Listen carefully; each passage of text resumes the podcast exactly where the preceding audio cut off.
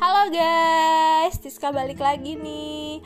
Hari ini mau bahas tentang 7 langkah saat terjebak di cinta tak berbalas. Ininya langsung dari CNN ya. Jadi beritanya diambil dari CNN Dari Rahman Indra. Nah, siapa yang pernah ngalamin cinta tak berbalas? Oke, okay, aku. Yeah jadi ya guys suka sama seseorang itu uh, tapi orang tersebut malah suka sama yang lain. Itu rasanya gimana ya? Hmm. Terlibat cinta tak berbalas atau segitiga seperti ini sama sekali itu nggak menyenangkan bener banget.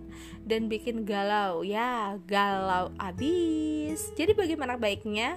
Nah perasaan yang menimbulkan rasa sakit ini membuat dunia berasa runtuh. Ya bukan durian runtuh lagi tapi dunia yang runtuh Bahkan dari sisi keilmuan menunjukkan bahwa penolakan yang dialami oleh saraf otak ini sama halnya dengan sakit yang dirasa oleh fisik. Jelek, sakit banget. Oh my god. Seseorang itu nggak bisa mengontrol perasaan, akan tetapi dapat mengatasi rasa sakit karena penolakan dan move on dong yes benar banget tapi meski ada yang bilang mudah itu nggak segampang yang dikira move on dari orang yang disukai dan memulai lagi yang baru itu butuh tahapan yang memakan waktu. Benar gak sih? ya cara mudahnya bisa mengikuti tujuh langkah berikut. Ayo check it out. Yang pertama menerima penolakan dengan lapang dada benar banget. Kalau misalkan orang udah nggak suka sama kita kita bisa menerimanya dengan lapang dada. Kau harus bisa bisa berlapang dada. Kau harus bisa bisa ambil hikmahnya. Bener banget tuh lagu-lagunya Ceylon Seven lapang dada. Bisa langsung cari aja di YouTube ya. Sekalian gue promosiin Nah, ini menjadi penting karena ketika cinta yang gak berbalas tentu akan membuat patah hati yang mengakibatkan rasa sakit. Yang utama dari tahap ini adalah menerimanya dengan lapang dada benar banget dan menyadari bahwa kita nggak bisa mengontrol perasaan orang lain. Dalam sebuah penelitian juga mengatakan bahwa sejumlah psikolog mengestimasi bahwa 98% dari setiap orang pernah mengalami cinta yang gak berbalas. Kalau menurut gue sih 100% sih, hmm, bahkan bisa lebih. Setidaknya satu kali sepanjang hidup emang benar sih. Mengetahui bahwa kita tidak sendiri menghadapi ini bisa membantu mengusir rasa sakit. Ya, benar. Penolakan itu bisa berujung pada depresi ya kalau lo emang gak siap atau lo adalah remaja bocil yang baru pertama kali ngerasain pasti ya depresi karena kalau ngelihat cerita-cerita atau film-film remaja itu ya uh, so indah, so beautiful perjalanan cinta mereka yang mulus gitu. Kalau nggak ter terbalas gitu kan bisanya pada kehidupan nyata pada depresi semua itu. Ada yang sampai bunuh diri. Jadi pernah ada cerita, bukan cerita sih, tapi uh, apa ya berita ya masuk di timeline gua yang mengatakan bahwa remaja 14 tahun bunuh diri gara-gara diputusin sama pacarnya. Hmm, so creepy. Dan yang lebih parahnya lagi dia tuh sudah mengandung 3 bulan. Wow. Jadi, beberapa orang juga butuh bantuan ya. Karena kalau misalkan udah depresi, kita juga butuh bantuan profesional yang mahir di bidang kejiwaan akan hal ini, ya kan? Karena bila perlu bisa mengubah kebiasaan makan dan tidur. Nah, kalau misalkan udah di tahap ini kan pasti oh, males makan, nggak mau tidur, memikirkan dia. Huh emang kayak gitu sih rata-rata mengatasi rasa putus asa, mengembalikan mood kembali normal. Jadi kita harus pergi ke psikolog kayaknya deh. Mengontrol pikiran negatif dan berpotensi membahayakan diri bener banget ya kalau misalkan orang udah di tahap depresi tingkat akut tuh. Yang kedua, kita bisa isi waktu bersama orang lain, ekspresikan diri dengan menangis jika perlu. Kalau kamu adalah tipe orang yang cengeng, bolehlah nangis, tapi milih-milih orang dulu sih kalau menurut gue. Karena untuk mengusir rasa kesedihan, kita bisa ambil waktu untuk diri sendiri, menyangkal perasaan dengan mengatakan, "Oh, ini nggak ada apa-apanya." Oh, gue lagi nggak menyukainya karena kalau kita ngomong kayak gini tuh justru kadang di satu titik membuat rasa sakit makin lama dan sebagai bagian dari upaya ini bisa jadi butuh bantuan orang lain. Mintalah bantuan pada orang yang dipercayai yang peduli untuk mau mendengarkan dan mengisi hari-hari yang sebelumnya mungkin dihabiskan bersama si doi itu. Dan gak bermaksud untuk menjadi jahat karena memutus kontak dengan si dia ini juga menjadi salah satu cara ampuh benar gue gue juga udah praktekin ini dan benar-benar ampuh.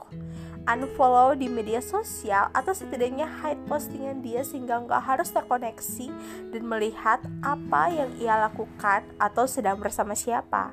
Ini penting banget untuk menyembuhkan kejiwaan kalian dari putus cinta. Oke, next yang ketiga, kita bisa menyadari bahwa ada baiknya berhenti mencintai dan hindari saling menyalahkan. Benar, karena kalau kita saling menyalahkan tuh nggak akan menyelesaikan segala masalah, malah ada yang bikin tambah masalah. Ya benar banget ya. Jadi nggak nggak peduli ya seberapa sempurnanya dia, kalau dia emang nggak bahagia dan nggak mencintai balik, ada baiknya lepaskan bener tuh kata si kotak ya. Lepaskanlah ikatanmu dengan aku biar kamu senang. Ya karena apa Eh, kita bisa ambil langkah mundur untuk dapat membantu mengatasi rasa cinta yang gak berbalas. Hindari sebisa mungkin untuk mengatakan hal buruk tentang dirinya pada orang lain, karena itu bisa membuat diri lebih baik. Ya benar banget kalau kita mengatakan hal buruk tentang orang yang buat kita nggak nyaman gitu ya, kayak dia tuh udah uh, selingkuh gitu terus kita mengatakan hal buruk kepada orang lain agar orang lain tuh percaya bahwa dia tuh emang buruk. Itu tuh bukan bikin lebih baik tapi malah menjadikan kita untuk menjadi orang yang jahat menampung ya menampung amarah dalam diri. Dan itu gak disarankan banget ya karena itu justru akan melahirkan rasa amarah yang pastinya tuh gak akan membantu kita sama sekali. Nah, sering dengan itu hindari saling menyalahkan karena jika terus kita menyalahkan dia ini bisa menempatkan diri kita ke friendzone dan sebagainya justru akan membuat situasi menjadi nggak adil. Semakin menekankan rasa getir dan pahit akan hubungan hanya akan membuat jauh dari rasa lebih baik. Ya ini benar banget. Jadi nggak hanya diri sendiri, teman sekitar pun juga sebaiknya nggak usah menyalahkan gebetan karena gak membalas rasa yang ada ya. Nggak boleh banget ya. Minta aja dukungan dari orang terdekat dan bilang gak adil jika menyalahkan sesuatu yang ia sendiri juga nggak bisa kontrol. Ada baiknya fokus untuk bisa move on. Oke next yang keempat. Buang semua hal yang membuat kenangan kembali mengingatkan padanya buang aja tuh boneka-boneka baju-baju sepatu-sepatu apa pun itu bila perlu bakar. Tapi kalau misalkan masih bagus ya boleh disumbangin ke orang yang lebih membutuhkan bener banget. Ya mungkin anggap saja ini bagian dari healing process. Karena memiliki barang kenangan di sekitar akan membuat susah move on setiap item bisa saja punya kenangan dan cerita yang mengiring imajinasi kembali untuk mencintainya. Ketika sudah menyingkirkan semua barang, bayangkan balon yang dilepas ke udara dan menghilang. Jika barang itu masih dalam keadaan bagus ya, seperti, seperti kata gue tadi, bisa donasikan ke orang lain. Yang kelima, ini wajib banget ya, hindari minum alkohol dan memabukkan.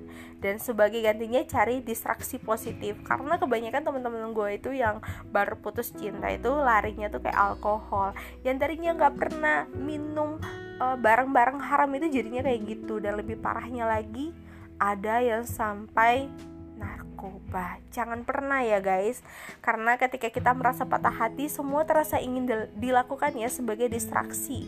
Dari mulai menonton karaoke hingga bila perlu minum alkohol dan mabuk-mabukan supaya seseorang yang cintanya nggak terbalas itu bisa hilang dari pikiran dan itu tuh salah besar ya. Karena hanya akan menjadi jalan pintas sementara dan gak membantu sama sekali. Bahkan di tingkat tertentu akan membahayakan kesehatan. Sebagai gantinya minta bantuan teman jika perlu hapus nomornya dia dari ponsel sehingga nggak akan menghubungi dia lagi bahkan dalam keadaan terpuruk sekalipun. Sebagai distraksi positifnya cobalah lakukan panggilan telepon ke teman menonton film komedi yang menghibur ini benar banget ya. Dan bisa menyibukkan diri dengan membuat taman depan rumah atau apa pun itu yang bisa menghilangkan pikiran kita dari si doi. Ya melakukan hal-hal yang positif. Temukan sesuatu yang dapat berlangsung dalam jangka waktu yang lama tapi rutin bisa yoga atau lainnya. Makin banyak aktivitas yang dilakukan untuk menyingkirkan pikiran tentang si dia makin mudah untuk move on dan lepas dari cara cinta yang gak berbalas. Nah next yang keenam bicarakan dengan seseorang supaya lega. Bila perlu ubah rutinitas secara perlahan. Jadi nggak harus drastis ini jika sulit mengatasi rasa ini, gak ada salahnya juga pilih salah seorang yang sangat dipercayai untuk mampu menerima dan mendengarkan teman mungkin yang tahu bahwa butuh waktu buat sembuh dari rasa sakit akan lebih menarik dan baik jika teman ini juga pernah mengalami hal yang serupa dan telah mampu move on dari perasaannya. Setidaknya ia telah mengalami dan tahu bagaimana mengatasinya dengan lebih baik. Namun, jangan berekspektasi seseorang akan mengertimu sepenuhnya dengan apa yang kamu hadapi.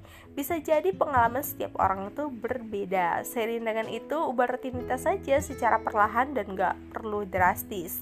Pelajari hobi baru seperti memasak atau panjat tebing, atau bisa coba tempat hangout yang baru, menyusun kembali perabotan kamar atau rumah biar menjadi tampak baru gitu ya. Hindari perubahan drastis jika memang nggak perlu seperti memangkas habis rambut. Astaga ini benar banget. Kadang tuh orang yang rambutnya panjang tiba-tiba putus cinta langsung dipotong. Wih ngeri sayang tuh ya rambut. Atau bisa membuat tato. Waduh jangan deh nanti malah menyesali pokoknya lakukan hal-hal yang positifnya. Nah gue saranin kayak gue gini buat podcast kan? Lebih keren lebih seru gitu. Bisa berbagi hal-hal positif kepada orang lain. Yang ketujuh ini yang terakhir ya. Bikin daftar hal baik tentang diri sendiri temukan potensi diri keluar dari zona nyaman. Ya ini benar banget ya. Sederhana tapi kadang kerap terlupakan. Sebuah studi pernah menunjukkan bahwa kita harus mengingat hal, hal baik akan diri sendiri, membuat seseorang mencintai dirinya dan ini menjadi obat ampuh dalam menghadapi penolakan dan move on. Jika perlu, tuliskan dalam secari kertas atau not apa saja tentang diri sendiri. Ekspresikan apa yang disukai dari diri. Misalnya, uh, gue mungkin lemah saat ini, tapi gue orang yang baik dalam panahan dan gue menyukai hal positif dalam diri gue ya menemukan diri sendiri dalam hal positif itu penyertanya itu akan menjadi solusi akhir untuk bisa move on dan lepas dari jebakan cinta yang gak berbalas. Yuk bangun hal positif lebih dalam. Misalkan belajar gitar dan membuat musik. Dengan meningkatkan potensi diri akan membuat diri lebih baik. Dan siapa tahu bisa mendapatkan orang lain yang juga lebih baik. Ya benar banget. Jadi melakukan hal-hal yang positif itu uh, lebih baik ya daripada kita melakukan hal-hal yang negatif. Nah, untuk kamu yang pernah ada di uh, hal seperti ini atau pernah merasakan hubungan yang tak berbalas ya tujuh cara ampuh ini bisa kamu praktekin. Atau mungkin ya sekarang sedang ngalamin ya ini pas banget deh. Kalian bisa ngelakuin ini ya. Disarankan tujuh tujuhnya dicoba aja. Siapa tahu bisa berhasil dan kalian bisa move on dan bisa mencari seseorang yang lebih baik lagi jadi pribadi yang lebih baik lagi untuk orang yang lebih baik. Oke sampai di sini dulu ya. Kita akan ketemu lagi untuk part-part selanjutnya yang mungkin lebih baik dan mungkin bisa menarik. Tonton terus bila perlu kalian uh, ikuti di IG gue di sekolah Prisa 11 kalian bisa nge DM uh, untuk requestan topik. Oke okay, see you next time